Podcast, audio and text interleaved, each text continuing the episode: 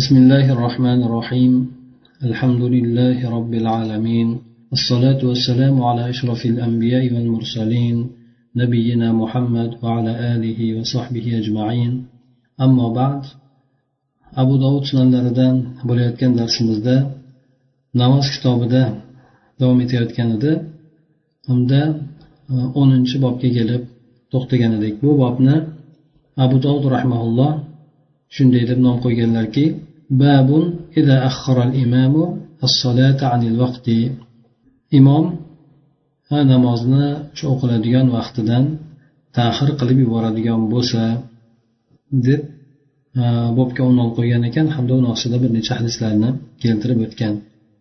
Bu yerdagi asosan imomdan maqsad aytib o'tganimizdek o'sha hokimlar chunki ular hokim bo'lishligi bilan birgalikda masjidda namoz ham o'quvchilar bo'lgan namozni o'tib beruvchi imomlar ham bo'lishgan lekin umumiy suratda tushuniladi lekin bu yerda albatta iroda qilinayotgan tomon o'sha hokimlar tomonidir birinchi hadis mana to'rt yuz o'ttiz birinchi raqam qo'ygan ekan bu kitobda hop abu zar roziyallohu anhudan rivoyat qilingan ekan u kishi aytadilarki قال لي رسول الله صلى الله عليه وسلم يا أبا ذر كيف أنت إذا كانت عليك أمراء يميتون الصلاة أو قال يؤخرون الصلاة. قلت يا رسول الله فما تأمرني؟ قال صل الصلاة لوقتها فإن أدركت أدركت أدركتها معهم فصلها فصلي فصلها مشكلة فإنها لك نافلة. إمام مسلم ham bu hadisni rivoyat qilgan ekan abu zar roziyallohu anhu aytadilarki menga rasululloh sollallohu alayhi vasallam aytdilar ey abu zar siz agar sizni ustingizda namozni o'ldiradigan ya'ni namozni ta'xir qilib yuboradigan amirlar bo'lib qoladigan bo'lsa siz o'zingizni qanday tutasiz nima qilgan bo'lardingiz deb savol qildi deydi. Shunda men aytdimki rasululloh meni nimaga buyurasiz? deganda u zot aytdilarki siz namozni vaqtida o'qiyvering. Agar o'sha namozga ular bilan birga ham yetib qoladigan bo'lsangiz ular bilan birga ham o'qiyvering. Bunisi esa sizga nafl bo'lib qoladi deb aytgan ekanlar. Demak bu hadisda imomlar xosatan o'sha hokimlar namozga imomlikka o'tadigan.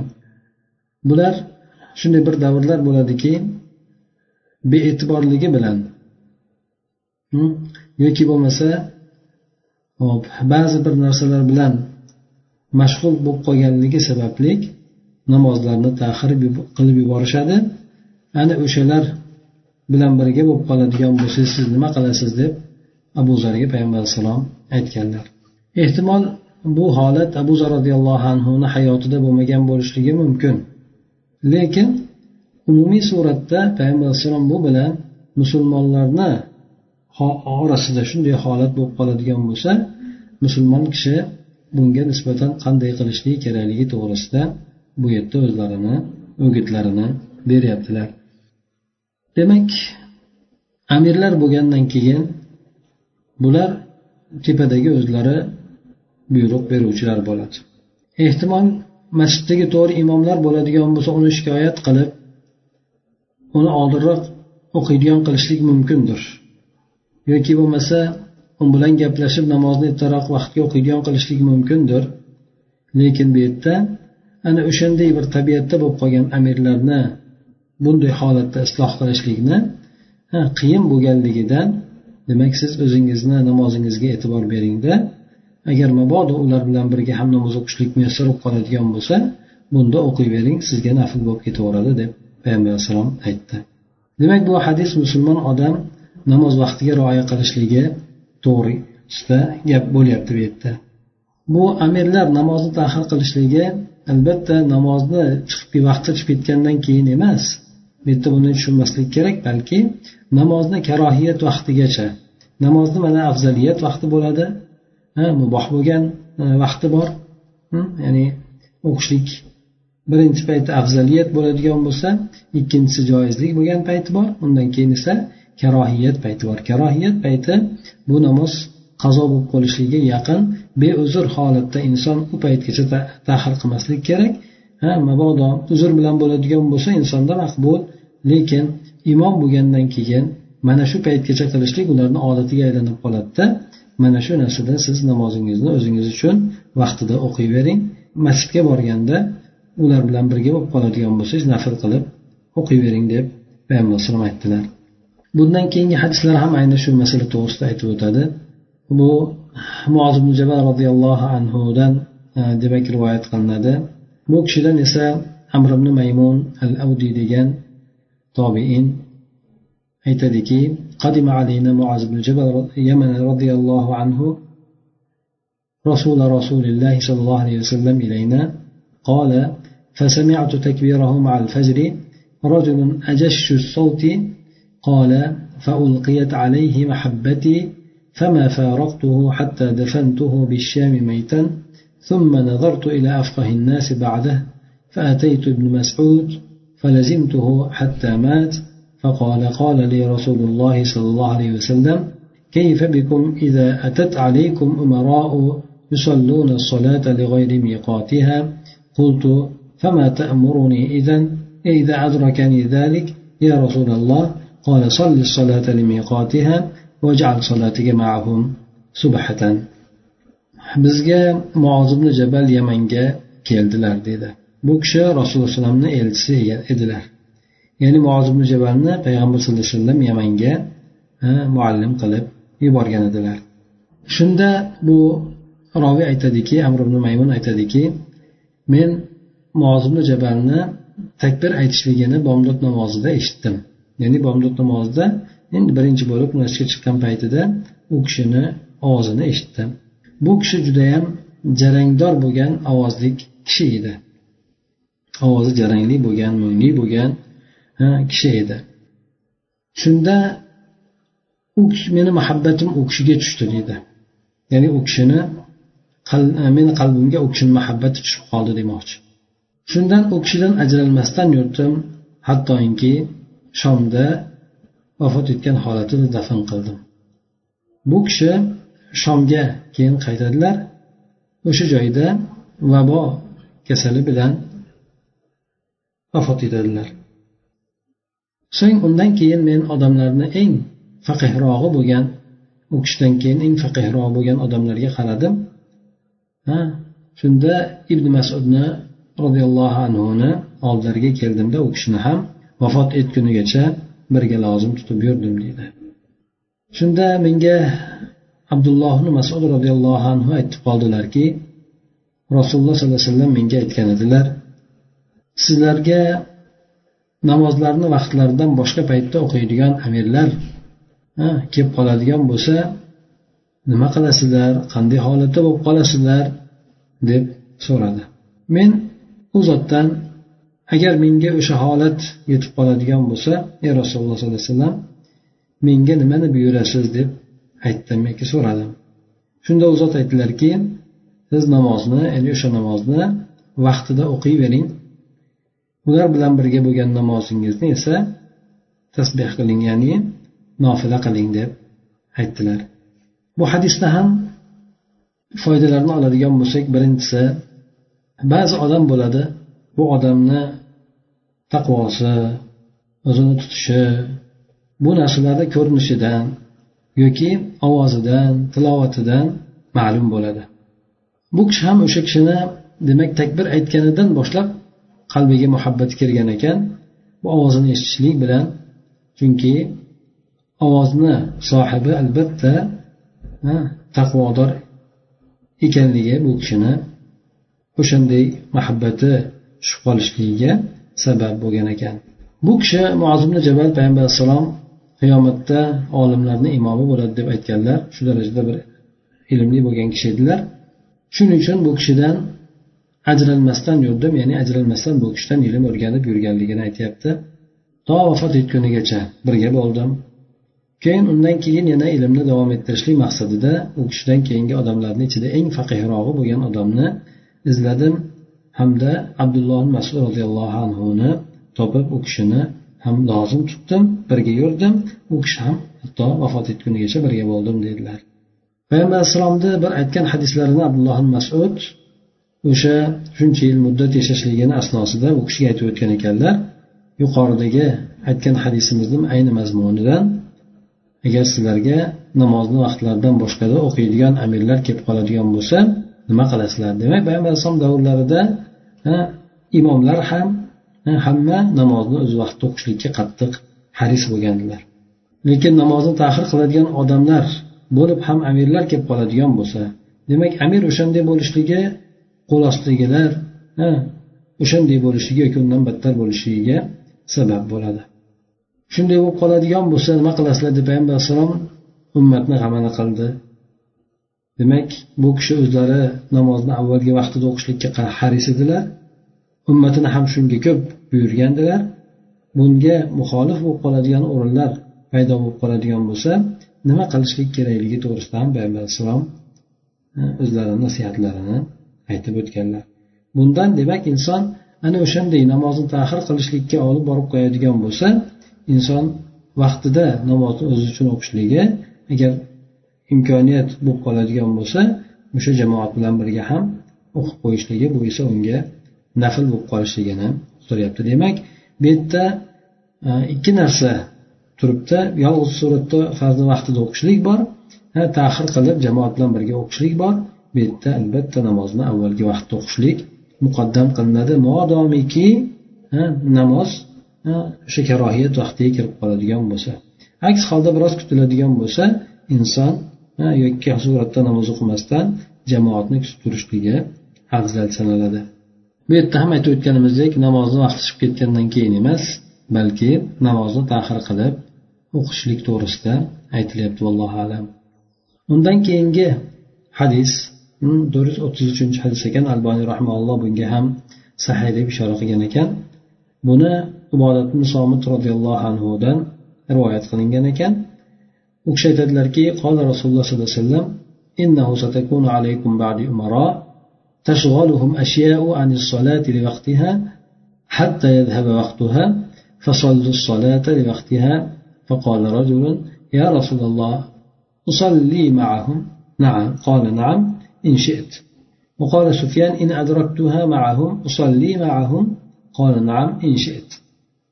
Ibodat somid roziyallohu anhu aytadilarki rasululloh sollallohu alayhi vasallam aytdilar hali sizlarni ustlaringizda mendan keyin bir amirlar bo'ladi.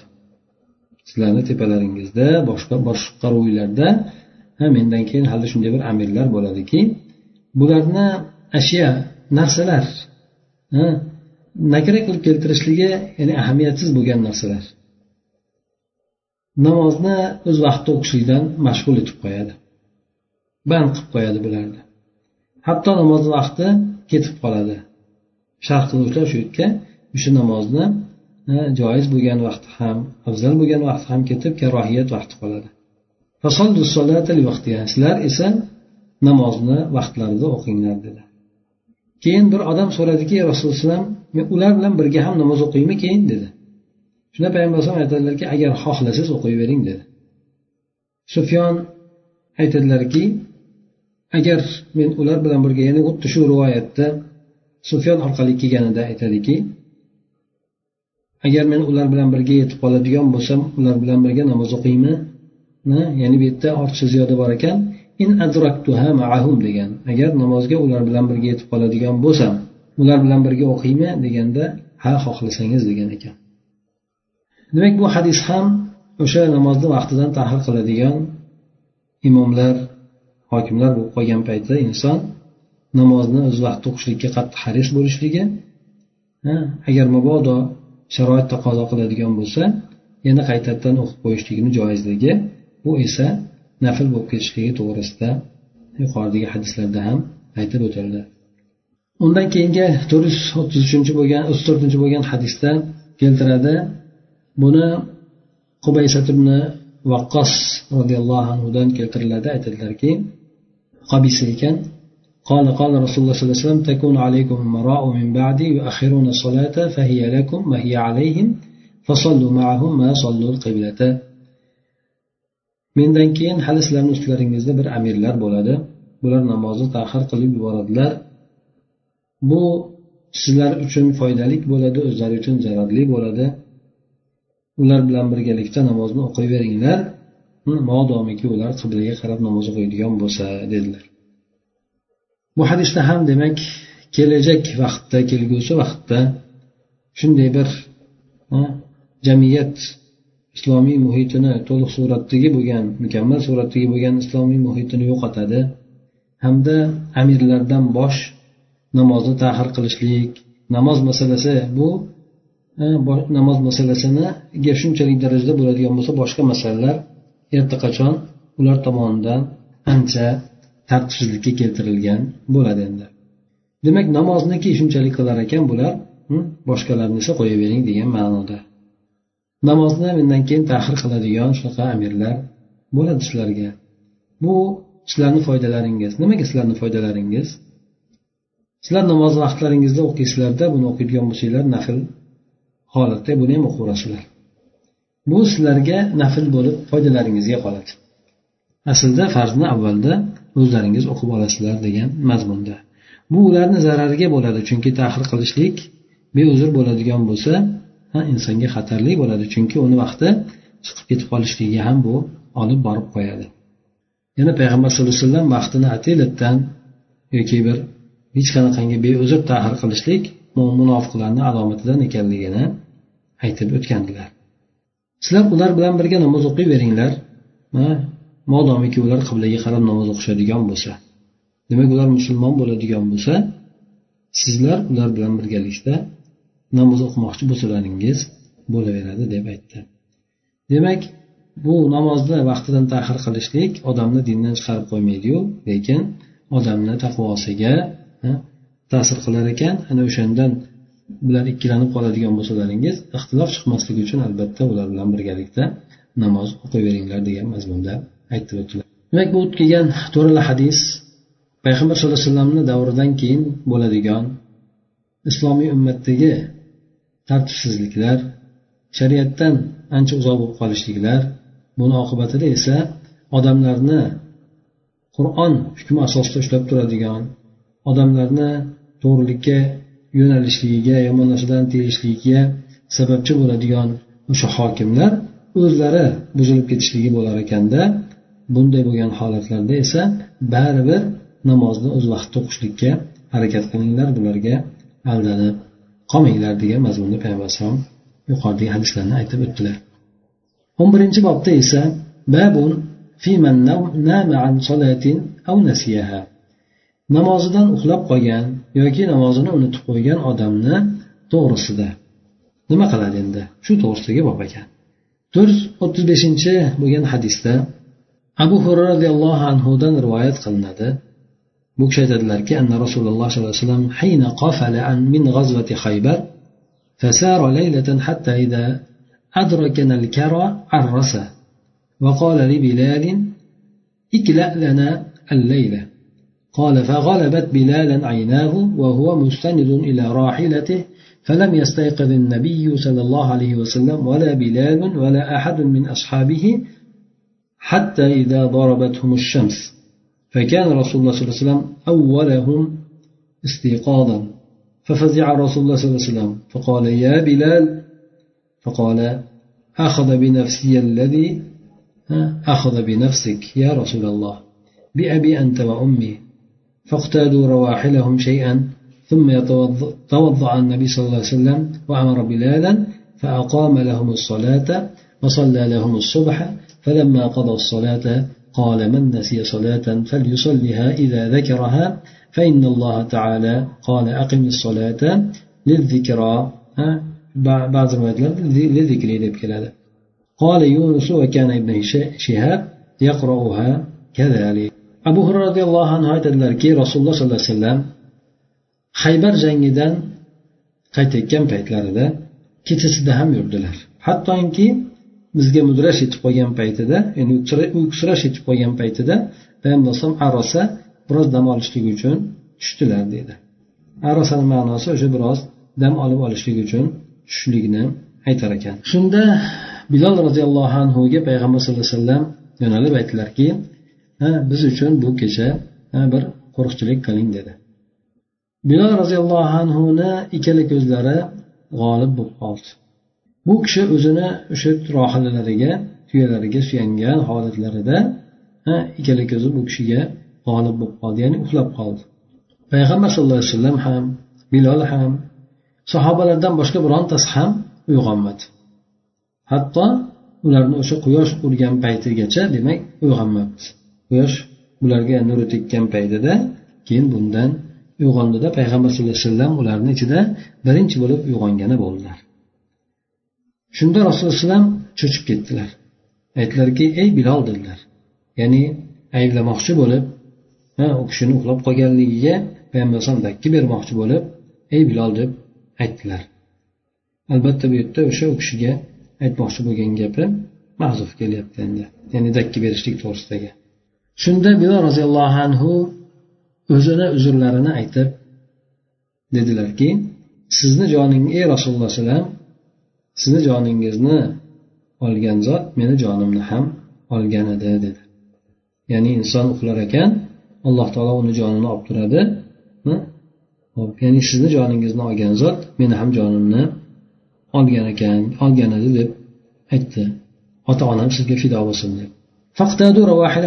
Keyin ular o'sha rohilalarini tuya buya shunga o'xshagan narsalarini biroz joygacha yetaklab bordilar o'sha joyni o'zgartirdilar so'ng payg'ambar alayhisalom tahorat oldilar bilolga buyurdilar bilol ularga namozga takbir aytdi va ular bilan payg'ambar alayhisalom bomdod namozini o'qidi namozni tugatgach aytdilarki kimki biron bir namozdan namozni unutib qo'yadigan bo'lsa yoddan ko'tarilib qoladigan bo'lsa uni eslagan paytida o'qib olsin dedi. Chunki alloh taolo yoki bo'lmasa namozni eslatma uchun o'qinglar meni eslatib turishlik uchun o'qinglar deb aytgan dedi. Yunus aytadiki roviylardan birisi kan ibn shihab kadalik ibn shihob zuhriy bu oyatni shuningdek o'qiyar edi. Qola ahmadu qola ambasatu ya'ni عن عن يونس في هذا الحديث لذكري قال أحمد الكراء النعاس demak oyatda o'zi asli qiroatda kelishligi lizikri deb keladi meni zikrim uchun deb keladi lidikroda esa lidikroni esa qiroashozda deyishgan ekan qiroashozda ya'ni ba'zilar o'qigan lekin bu mutavotir bo'lmagan shuning uchun bu e, lidzikro deb turib qur'onlarda yozilmagan shu qiroat bilan e'tirof etilmagan ekan lekin bu qiroashozda bo'lgan ba'zilar o'sha rivoyatni o'sha qiroatni o'qishgan ekan lekin quvvatli bo'lmaganligi uchun buni tark qilingan ekan. Shundan demak ma'nosi u qadar darajada bir biridan farq qilmaydi. Namozni eslatma uchun o'qing ya'ni alloh taoloni eslatib turishlik uchun o'qing degan eslab turishlik uchun o'qing degan ma'no chiqaveradi bundan ham. Imom ahmad aytgan ekanlarki karo degani yuqorida bizda hadisda o'tdi. Adrokanal karo degani bu nuas ya'ni mudrash uyqusirash degan ma'no bo'ladi. Demak yuqoridagi bo'lgan hadisga qaraydigan bo'lsak bundan keyin ham shu hadisni tafsilotlari rivoyat qilinadi. Payg'ambar sallallohu alayhi vasallam haybar jangidan qaytayotgan paytlarida haybar jangi ahzob jangidan keyin bo'lgan hamda makka fathidan oldin bo'lgan. Bunda musulmonlar musulmonlar esa unda e, yahudlar bilan jang qiladi hamda bunda g'alabaga erishishadi. Katta musulmonlar katta o'ljalarni olishadi. Hamda ba'zi sahobalar aytadiki o'sha haybar jangidan keyin sharoitimiz yaxshi bo'lib ketdi degan mazmunda aytib o'tishadi. Shundan qaytayotgan paytda payg'ambar alayhissalom yaqin qolganligi uchun kechasida ham yurgan ekan. Lekin ertalabga yaqin uyqusirab qolishgan. Albatta bilasizlar kechasida inson yurishligi qiyinroq ko'proq uyqu bosib qoladi. Shunda payg'ambar alayhisalom yo'lda kechasi dam olishga tushganlarida o'zlariga bir qo'riqchini qo'yganlar. Bu bilol roziyallohu anhu edi. Chunki u kishi ozon aytadilar hamda. Shunda bilol roziyallohu anhuni ham ko'ziga uyqu g'olib bo'ldi. Bu kishi ham beixtiyor uxlab qoldi. Tuyasiga suyanib turib uxlab qoldi. Hech kim uyg'onmadi. Hatto mana quyosh chiqqan paytida uyg'onishdi. Quyosh chiqib tekkan paytda uyg'onishdi. Payg'ambar alayhissalom ularni uyg'onishlikda eng birinchisi bo'lgan ha shunday masalan ba'zan inson xatolik bo'lib qoladigan bo'lsa undan birinchi ogoh bo'ladigan odam albatta ilmli odamlar bo'ladi. Bu yerda ham payg'ambar alayhissalom demak birinchi bo'lib ogoh bo'lgan hamda o'sha xatoligiga e'tibor qilgan kimsa bo'ldi. Shunda bu kishi namoz tahir bo'lib qolganligidan cho'chib ketdilar. Bilol roziyallohu anhuga bu kishi topshirgandilar bu kishi uxlab qolganligidan malomatni payg'ambar alayhisalom bu kishiga yog'dirmoqchi bo'ldilar. Bilol ham roziyallohu anhu kechasi yurib charchaganligini e'tibori bilan shuni sabab qilib keltirib ya'ni uxlab qolibman ya'ni meni sizni joningizni olib turgan alloh taolo meni ham jonimni olib turgan edi deb payg'ambar alayhisalomga javob qildi. Payg'ambar sallallohu alayhi vasallam bu yerdan ularni o'zi markablarini hamma ot ulovlarini olib ozroq nariqqa yurishdi. Buni sababini quyidagi hadislarda ham keltirib o'tadi. Bu joy yaxshi emas shaytonlar joyi ekan. Degan mazmunda aytib o'tib turib demak boshqa joyga ko'chib o'tamiz deb biroz ko'chib o'tishadi. Payg'ambar sallallohu alayhi vasallam keyin tahorat olib bilol roziyallohu anhuga buyuradi u kishi ozon takbir aytadi deb keladi. Boshqa keyingi rivoyatlarda mana ozon ham aytilishligi keladi. Odam demak bu yerdan tushuniladiki qazo bo'lgan namozlarga ozon aytishlik ham kerakmi yoki takbirni o'ziga chegaralansa bo'laveradimi? Bu to'g'risida mazhablarni ixtilofi bor ekan biroz. Hanafiy mazhabi bilan hambaliy mazhabida albatta qazo bo'lgan namoz uchun ham ozon aytiladi takbir aytiladi deb aytishgan ekan. Shofiy mazhabida esa ozon shart emas balki takbirni o'ziga chegaralanaveradi deb shu hadisni ham ro'kach qilib aytgan ekanlar. Payg'ambar alayhisalom namozini o'qib undan keyin aytdilarki kim bir namozni unutadigan bo'lsa qaysi bir namoz bo'lsa ham ya'ni asosan bu yerda farz namozlar farz namozlari chunki sunnat bo'lgan namozlarni qazo qilishligini sharti yo'q endi. Illo bomdod namoziga keladi. Bomdod namozini ham peshingacha bo'lgan vaqtida ado etiladi. Undan keyin ado etilmaydi. Eslagan paytida o'qib olsin dedi. Qaysi bir farz namozni unutib qo'yadigan bo'lsa ya'ni inson insoniylik tabiati bor. Unutib qo'yadigan bo'lsa albatta eslagan paytda uni o'qib olsin dedi. Chunki alloh taolo namozni meni zikrim uchun yoki bo'lmasa eslatma uchun ado qilinglar deb aytganni keltiradi. Bu hadisdagi bo'lgan hukm demak inson agar bir namozni unutib qo'yadigan bo'lsa yoki namozdan uxlab qoladigan bo'lsa hayolidan ko'tarilib qoladigan bo'lsa eslagan paytidaila o'qib olishligi kerak bo'lar ekan. Undan keyingi to'rt yuz qirq oltinchi bo'lgan hadisda buni ham abu roziyallohu anhudan mana shu xabar to'g'risida rivoyat qilinib aytgan ekanlarki rasululloh aytdilarki تحولوا عن مكانكم الذي أصابتكم فيه الغفلة قال فأمر بلالا فأذن وأقام وصلى payg'ambar alayhisalom yuqoridagi bo'lgan rivoyatimizga biroz kengashma kiritib aytdilarki sizlar o'zlaringizni hozirgi bu g'aflat yetib qolgan joylaringizdan endi o'zgarib olinglar ko'chib olinglar deb payg'ambar alayhisalom u yerdan boshqa joyga jirishlikka ularni tezladilar Ya'ni o'sha joyda shayton demak g'aflatda bo'libdi. Ba'zan bo'ladi inson bir joyda turadigan bo'lsa g'aflat bosib qoladi joyini o'zgartirishligi insonni tutilishligiga sabab bo'ladi. Payg'ambar alayhisalom keyin bilol roziyallohu anhuga aytdilar. U kishi ozon aytdi takbir aytdi payg'ambar alayhisalom namozni o'qidilar. Hop bu yerda yana bir masala olimlar e, ya'ni payg'ambar alayhissalom o'sha joydan boshqa joyga o'tishligini sababi nimada bo'lgan? Sababi o'sha joyni g'aflatda qoldirganligi uchun. Joyini o'zgartirib boshqa joyga ko'chdimi? Yoki bo'lmasa turgan paytda quyosh endi chiqayotgan payti edi. Bir yo'l yaxshi bir narsa ko'tarilib olsin degan maqsadda u kishi boshqa joyga o'sha quyosh paytida o'qimasdan quyosh ko'tarilayotgan paytda o'qimasdan boshqa joyga ko'chishlikni aytdimi? Bunda olimlar demak ikki xil fikrlari bor ekan. Ba'zilar o'sha payg'ambar alayhisalomni ko'chishligi o'sha paytda namoz o'qib bo'lmaydi ya'ni quyosh chiqayotgan paytda qazo bo'lsa ham o'qib bo'lmaydi. Shuning uchun bir ko'tarilib olishligi maqsadida payg'ambar alayhisalom joyini o'zgartirdilar. Keyin o'sha joyga borib turib namozni o'qidilar dedi. Ba'zilar aytadiki yo'q payg'ambar alayhissalom bu yerda u yerga ko'chib olganligi ha namoz uchun ko'chib olganligi yo'q o'sha paytda namoz o'qishligi mumkin emas bo'lgan quyosh chiqayotgan paytda bo'lganligi uchun emas balki u joy g'aflatda bosgan joy bo'lganligi uchun ko'chib olishgan deb ba'zilar demak shu gapni aytishar ekan.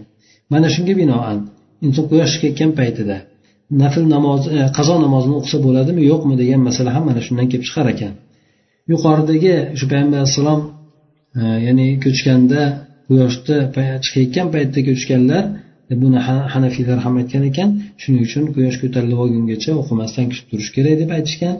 Ha shofiy mazhabidagilar esa demak inson e, payg'ambar alayhisalom bu yerdagi ko'chishligi Э, joydagi joyidagi g'aflat bosganligi sababli ko'chganlar aks holda e, bu qazo bo'lib qoladigan namoz bo'lsa ham quyosh chiqayotgan yoki botayotgan paytda o'qib olsa bo'ladi degan mazmundagi gapni aytganlar. Ya'ni o'sha namoz qaytarilgan vaqtlarda sabab bo'ladigan namoz bo'ladigan bo'lsa ado etilaveradi deb aytishgan ekan.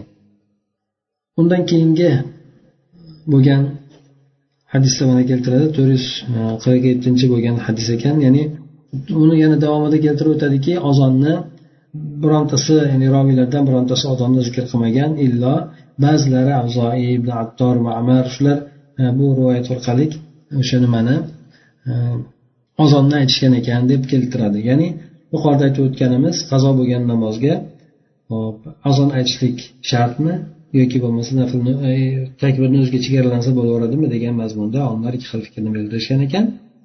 aytib o'tganimizdek hanafiylar bilan hambaliylar ozonni ham qo'shib aytiladi degan shofiylar esa ozonni aytilishligi hojat yo'q takbirni aytilishligini o'zi kifoya qiladi deb aytishgan ekan to'rt yuz qirq yettinchi bo'lgan e, hadisda bu hadisni abu qatoda keltiradi أن النبي صلى الله عليه وسلم كان في سفر له فمال النبي صلى الله عليه وسلم ومنت معه؟ فقال انظر. فقلت هذا راكب هذان راكبان هؤلاء ثلاثة حتى صرنا سبعة. فقال احفظ علينا صلاتنا. يعني صلاة الفجر فضرب على آذانهم فما أيقظهم إلا حر الشمس فقاموا فصاروا هنية ثم نزلوا فتوضأوا وأذن بلال فصلوا ركعتي الفجر ثم صلوا الفجر. وركبوا فقال بعضهم لبعض قد فرطنا في صلاتنا. فقال النبي صلى الله عليه وسلم إنه لا تفريد في النوم إنما التفريد في اليقظة فإذا سهى أحدكم عن صلاة فليصليها حين يذكرها ومن الغد للوقت. أبو قضاة رضي الله عنه هذا الأركي بيغمر صلى الله عليه وسلم بسفر ذي الله فأما صلى الله عليه وسلم يقول لك بر برود الله يعني عمك تكين يقول بر يولد بشك بر يولد برود الله men ham u kishi bilan birgalikda moyil bo'ldim ya'ni o'sha yo'lga burildim. Payg'ambar alayhisalom aytdilarki qaraginchi yana kimlar bor dedi. Yo'lda ketayotib ya'ni shu madinaga yaqin qolgan paytida payg'ambar alayhisalom boshqa yo'lni oldilar. O'sha yo'l bilan yetib boramiz deb. Shunda bir otliq bor ekan dedi. Yana bittasi kelyapti dedi. Yana ikkita bo'ldi dedi. Yana uchta dedi. Ha mana bu uchta bo'ldi dedi. Hattoki men yetti kishi bo'ldik deydi. Payg'ambar alayhisalom bilan yo'ldan ajralib chiqqanlar. Payg'ambar alayhisalom aytdilarki bizga namozimizni endi saqlanglar dedi. Ya'ni bomdod namozini saqlanglar shunga o'qotinglar degan mazmunda. Shunda ularni quloqlariga urildi ya'ni uxlab qolishdi. Bularni quyoshni issig'i uyg'otdi. Shunda turib ozgina yurishdilar. So'ng bir joyga tushib tahorat olishdi. Bilol roziyallohu anhu ozon aytdi. Bomdodni ikki rakatini o'qishdi. So'ng bomdod namozi sunnat namozini o'qishdi keyin bomdod namozini o'qishdi. Yana ulovlarga minib ketishdi endi. Ba'zilari sahobalarni ba'zilari ba'zilariga aytdi. Biz bomdod namozida loqaydlik qilib qo'ydik dedilar. Payg'ambar alayhisalom aytdilarki uyquda unaqa loqaydlik bo'lmaydi balki loqaydlik beparvolik bu inson ogoh turgan paytida bo'ladi. Agar sizlarni bittalaringiz namozni unutib qo'yadigan bo'lsa biron namozni unutib qo'yadigan bo'lsa uni eslagan paytida o'qib olsin ertadan esa vaqtida ya'ni ertadan esa vaqtida degani ertada o'zini vaqtida o'qiyvering o'qiysizlar deb o'qiyveringlar degan mazmunda payg'ambar alayhisalom aytdilar. Bu yerda ham yuqoridagi bo'lgan hadisni e, ayni voqeasi keltirib o'tilyapti. Sahobalar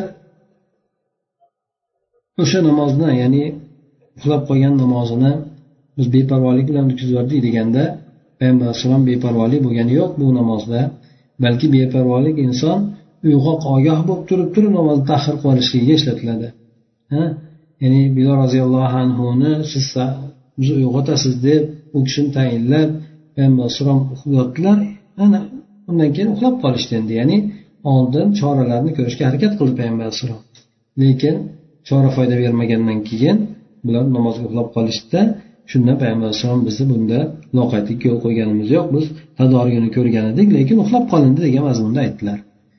Beparvolik bu uyg'onlikda bo'ladi. Ya'ni inson bilib turib tahir qilib yuborishligi namozni kechiktirib qazo qilib yuborishligi musibat mana shu bo'ladi.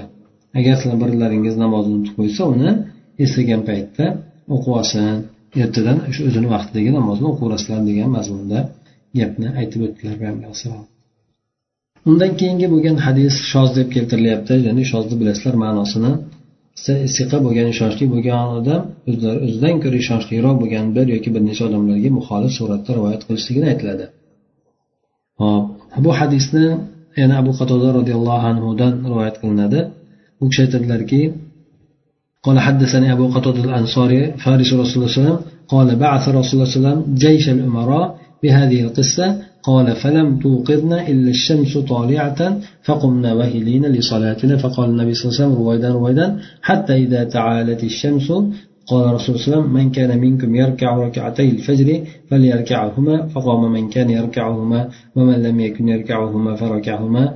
ثم أمر رسول الله صلى الله عليه وسلم أن ينادى بالصلاة فنودي بها.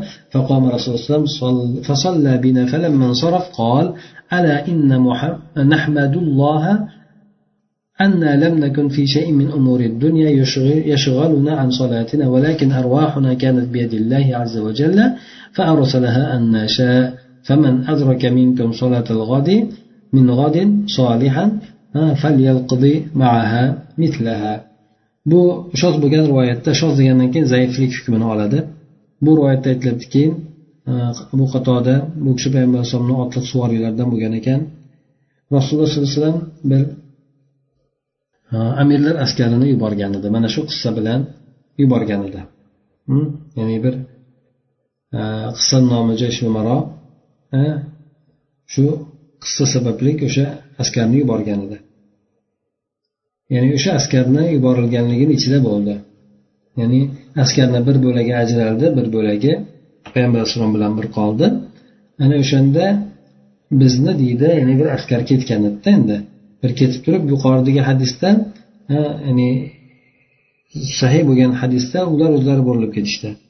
Bu esda esa payg'ambar alayhisalom bir askarni yubordi jangga yubordi deb aytadi mana shu qissa bilan endi mana shu qissada degan ma'nosida quyosh chiqqan paytda bizni uyg'otdi dedi. Ya'ni quyosh ko'tarilib qolgan edi. Biz shu namozga qo'rqib turdik namoz uchun qo'rqib turdik. Ya'ni cho'chib turdik namozga. Payg'ambar alayhisalom sekin sekin dedi. Hatto quyosh bir ko'tarilib olsin dedi. Bir ko'tarilib bir lahza ko'tarilgan paytda payg'ambar alayhisalom o'zlari turdilar. Aytdilarki kimki sizlardan bomdod namozini buku qilib yurgan bo'lsa ya'ni ikki rakat bomdod sunnatini o'qib yurgan bo'lsa o'qib olsin dedi. Ha kim payg'ambar alayhisalomdan demak o'sha o'qib yurgan odamlar turib ya'ni hazarda ya'ni bu ba'zilar aytishgan shuni ikki rakat sunnatini doim o'qib yuradigan odamlar ya'ni kimlardir sunnat bo'lganligidan ba'zilar o'qib ba'zilar o'qimasligi ham tushunishligi mumkin lekin bu nima bo'lganda ham shoz rivoyat. Sunnat bo'lgandan keyin u o'qishligi vojib emas. Shuning uchun ba'zi o'qiganlar o'qidi dedi. O'qib yurganlar o'qidi. Kimki o'qimagan bo'lsa ular o'qimadi. Hm? Ya'ni o'qimay yurgan odamlar ham o'sha paytda o'qishib oldi. Payg'ambar alayhisalom ya'ni avvaldan o'qishmay yurgan odamlar bo'lsa ham bular ham o'sha paytda ikki sunnatni o'qishib oldi. Keyin payg'ambar alayhissalom namozga nido qilinishlikka buyurdi. Unga nudiya biha ya'ni ozon aytildi takbir aytildi. Payg'ambar alayhissalom turib biz bilan namozni o'qidilar. Namozdan burilgan paytda aytdilarki ogoh bo'linglar albatta biz alloh taologa hamd aytamiz. Biz ya'ni bir dunyo ishlaridan bir ishda bo'lmagan edik. Namozimizdan mashg'ul qilib qo'yadigan bir dunyo ishda bo'lmagan edik. Lekin bizni ruhlarimiz jonlarimiz alloh taoloni qo'lida uni xohlagan paytda yuboradi. Kimki sizlardan e, ertangi kungi namozga ham yetib qoladigan bo'lsa e, ya'ni sog'lom holatda yetib qoladigan bo'lsa ertaga ham mana shu bilan birga ertangi namoz bilan birgalikda mana shu namozlarni ado etsin deb payg'ambar alayhissalom aytdi. Yuqorida aytganimizdek bu hadis demak shoz zaif deb aytadi shuning uchun bundan hukmlar olinmaydi. To'rt yuz qirq to'qqizinchi o'ttiz to'qqizinchi bo'lgan hadisda keltirib o'tiladiki bu ham abu qatodadan ekan mana shu xabar to'g'risida aytdilarki alloh taolo sizlarni ruhlaringizni xohlagan paytida oladi va xohlagan paytda uni qaytaradi deb aytdilar. Turing namozga ozon ayting dedi. Bular turishdi tahorat olishdi hatto quyosh bir narsa ko'tarilgan paytda quyosh bir tikkaga ko'tarilgan paytida payg'ambar alayhissalom turib odamlar bilan birgalikda namoz o'qidilar buni buxoriy rivoyat qilgan ekan. Undan keyin to'rt yuz qirqinchi bo'lgan hadis ham mana shu ma'noda rivoyat qilingan ekan. Bu yerda ham quyosh ko'tarilib tahorat olishdi. Payg'ambar alayhisalom tahorat oldi ya'ni quyosh ko'tarilayotgan paytida. Ular bilan keyin namoz o'qidi. Ya'ni bu yerda ham quyosh bir narsa ko'tarildi ya'ni bir narsa ko'tarilib oldida bemalol ko'tarilib olgan paytini aytiladi. Undan keyingi bo'lgan hadisda yana abu qatodadan rivoyat qilinyapti. Aytdilarki payg'ambar alayhisalom ya'ni uxlashlikda beparvolik yo'q balki beparvolik inson uyg'oq ogoh bo'lgan paytida bo'ladi. Ya'ni namozni boshqa vaqt kelgunigacha tahir qilib yuborishligida ya'ni e, tafrit mana shunda bo'ladi beparvolik shunda bo'ladi. Uyg'oq turib namozni boshqa namoz vaqti kelgunigacha tahir qilib yuborishligida bo'ladi dedilar. To'rt yuz qirq ikkinchi bo'lgan hadis buni ham sahih deb aytilgan. Payg'ambar alayhisalom aytdilarki man nasiya solatan kim bir namozni unutib qo'yadigan bo'lsa uni eslaganda o'qib olsin. U namozni bundan boshqa kafforati yo'q. Albatta o'sha namozni birinchi eslagan paytida o'qishligi kerak bo'ladi. Ya'ni uni u kechga olib qo'yib keyingi boshqa paytga olib qo'yilmaydi lekin bir o'sha yangi nima qilingan qazo qilingan namoz o'ladigan bo'lsa o'sha paytda o'qishligi kerak bo'ladi. Namozlar to'planib qolgan bo'lsachi endi bunda endi eslagan paytida o'qishligi talab qilinmaydi balki bo'lib bo'lib o'qishligi ham mumkin bo'laveradi. undan keyingi hadisda imron ibn husayn roziyallohu anhudan rivoyat qilinadi. Anna rasululloh kana fi masirin lahu payg'ambar o'zini bir safar edilar fanamu an salatil fajr bomdod namozini uxlab qoldilar. Fastayqadu bi shams quyoshni issig'i bilan uyg'onib ketishdi. Fartafau qoyidan hatta istaqallati shams ozgina ko'tarilishdi. Hatto quyosh ozgina bir boshqa joyga yurishdi. Hatto quyosh mustaqil bo'ldi ya'ni tepaga ko'tarilib sal e, ya'ni yerdan o'sha ko'tarilayotgan ufqdan ajrab oldi. Payg'ambar alayhisalom ozonchiga ya'ni bilol roziyallohu anhuga buyurgan edi. U kishi ozon aytdilar payg'ambar alayhissalom bomdod farz namozidan oldin ikki rakat sunnat namozini o'qidilar. So'ng takbir aytdi bomdod namozini o'qidilar deydi. Yana mana shunga bog'liq bo'lgan hadis keltirilyapti. Hop e, bu hadisni zibirqon degan kishi roviy rivoyat qilgan ekan. Haddasa ammihi o'zini amakisi amr ibn umayya domlidan rivoyat qilgan ekan. U kishi aytadilarki kunna ma rasululloh sallallohu alayhi vasallam fanama anis subhi. Payg'ambar sallallohu alayhi vasallam bilan birgalikda ba'zi safarlarda bo'lgan edik. U kishi bomdod namozidan uxlab qoldilar. Hatto tolaati shams quyosh chiqib ketdi. Fastayqada rasululloh alayhi vasallam faqola payg'ambar alayhisalom uyg'onib turib aytdilarki tanahhu an hadal makan bu makondan jilinglar dedi. Bu makondan o'zgaring jilinglar dedi. Boshqa joyga boringlar dedi. So'ng bilolga buyurdilar u kishi ozon aytdi. Tahorat olib boshqalar ham tahorat oldi. Keyin bomdodlik ikki rakat namozini o'qishdi sunnat namozini. So'ng bilolga buyurdilar u kishi namozga takbir aytdi payg'ambar alayhisalom ular bilan birgalikda bomdod farzini o'qidilar. To'rt yuz qirq beshinchi bo'lgan hadisda ham kelyaptiki bu e, habashiy degan odamlar rivoyat qilinyapti. Bu kishi payg'ambar sallallohu alayhi vasallamga mana shu xabarda xizmat qilib yurgan ekan. E, aytadiki payg'ambar sallallohu alayhi vasallam tahorat oldilar. E, ya'ni shunday bir tahorat oldilarki tuproq undan shalabbo bo'lib ketmadi ho'l bo'lib ketmadi. Ya'ni ozgina suv ishlatib turib tahorat oldilar. Yengil tahorat oldilar. Lam yalsa degani o'sha nam bo'lib ketmadi shalabbo bo'lib ketmadi degani. So'ng bilol roziyallohu anhuga buyurdilar u kishi ozon aytdi. So'ng payg'ambar alayhisalom turib ikki shoshilmasdan ikki rakat namoz o'qidilar. So'ng bilolga aytdilar takbir ayting namozga dedilar. So'ng payg'ambar alayhissalom shoshilmasdan namozni farz namozni o'qidilar. Hop. Yana undan keyingi to'rt yuz qirq oltinchi hadisi shoz ekan. Ajil degan bu xabarda kelgan ekan endi shoshilmasdan ozon aytdi deb bu ziyoda bor ekan bu hadisda. Hop to'rt yuz qirq yettinchi bo'lgan hadisda keltiradiki va bu abdurahmon abi alqamadan e, rivoyat qilinadi. U kishi aytadilarki abdulloh masud roziyallohu anhuni shunday deyayotganligini eshitdim. Akbalnama rasululloh zaman hudaybiya hudaybiya paytida payg'ambar alayhisalom bilan birgalikda biz iqbol qilib keldik. E, faqol rasululloh man yaklauna ya'ni kim bizni saqlab turadi himoya qilib turadi dedi. Bilol aytdilarki men dedilar. Uxlab qolish hatto quyosh ko'tarilib qoldi. Payg'ambar alayhissalom o'zlari uyg'ondilar aytdilarki endi avval qilayotgan narsani qilaveringlar dedi. Shunda biz o'shanday qildik. Na shuningdek qilinglar kim uxlab qoladigan bo'lsa yoki unutib qo'yadigan bo'lsa. Ya'ni o'sha bomdodda tahorat olib ozon aytib sunnat o'qib takbir aytib farzini o'qiy shunday qilinglar dedi. Ya'ni namoz tahir bo'lib qolgan bo'lsa ham o'sha namozni o'zini vaqtida o'qiladigan holatdagidaqa narsalarni qilib namozni o'qinglar. Kim kelmasa namozni unutib qo'yadigan bo'lsa yoki bo'lmasa uxlab qoladigan bo'lsa ham xuddi shuningdek eslagan paytida uni o'zini paytda o'qilgandek qilib o'qisin degan mazmunda aytib qo'ydilar. Demak bu yuqoridagi bo'lgan hadis haybar jangidan qaytayotganligida dedi. Bu undan keyingi abdulloh masud roziyallohu anhuni e, qilgan rivoyatlarida esa bu hudaybiya zamonida deb aytildi. E, hudaybiyadan oldin bo'lgan albatta haybar jangi hudaybiyadan oldin bo'lgan edi.